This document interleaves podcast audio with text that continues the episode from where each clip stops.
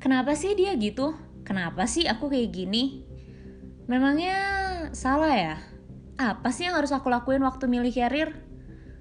Waktu salah pilih karir? Atau gimana caranya cari tahu tentang passion? Betray, backstab, bullying, or friends related things, what should I do? Flirt or waiting? Hal-hal ini yang bakalan kalian dengar di podcast Tinting atau podcast Christine Thinking. Di sini aku bakalan bahas dan juga discuss sama kalian semua tentang hal-hal tersebut dan kita akan lihat dari berbagai perspektif.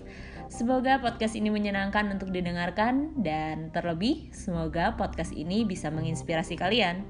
Have a wonderful day.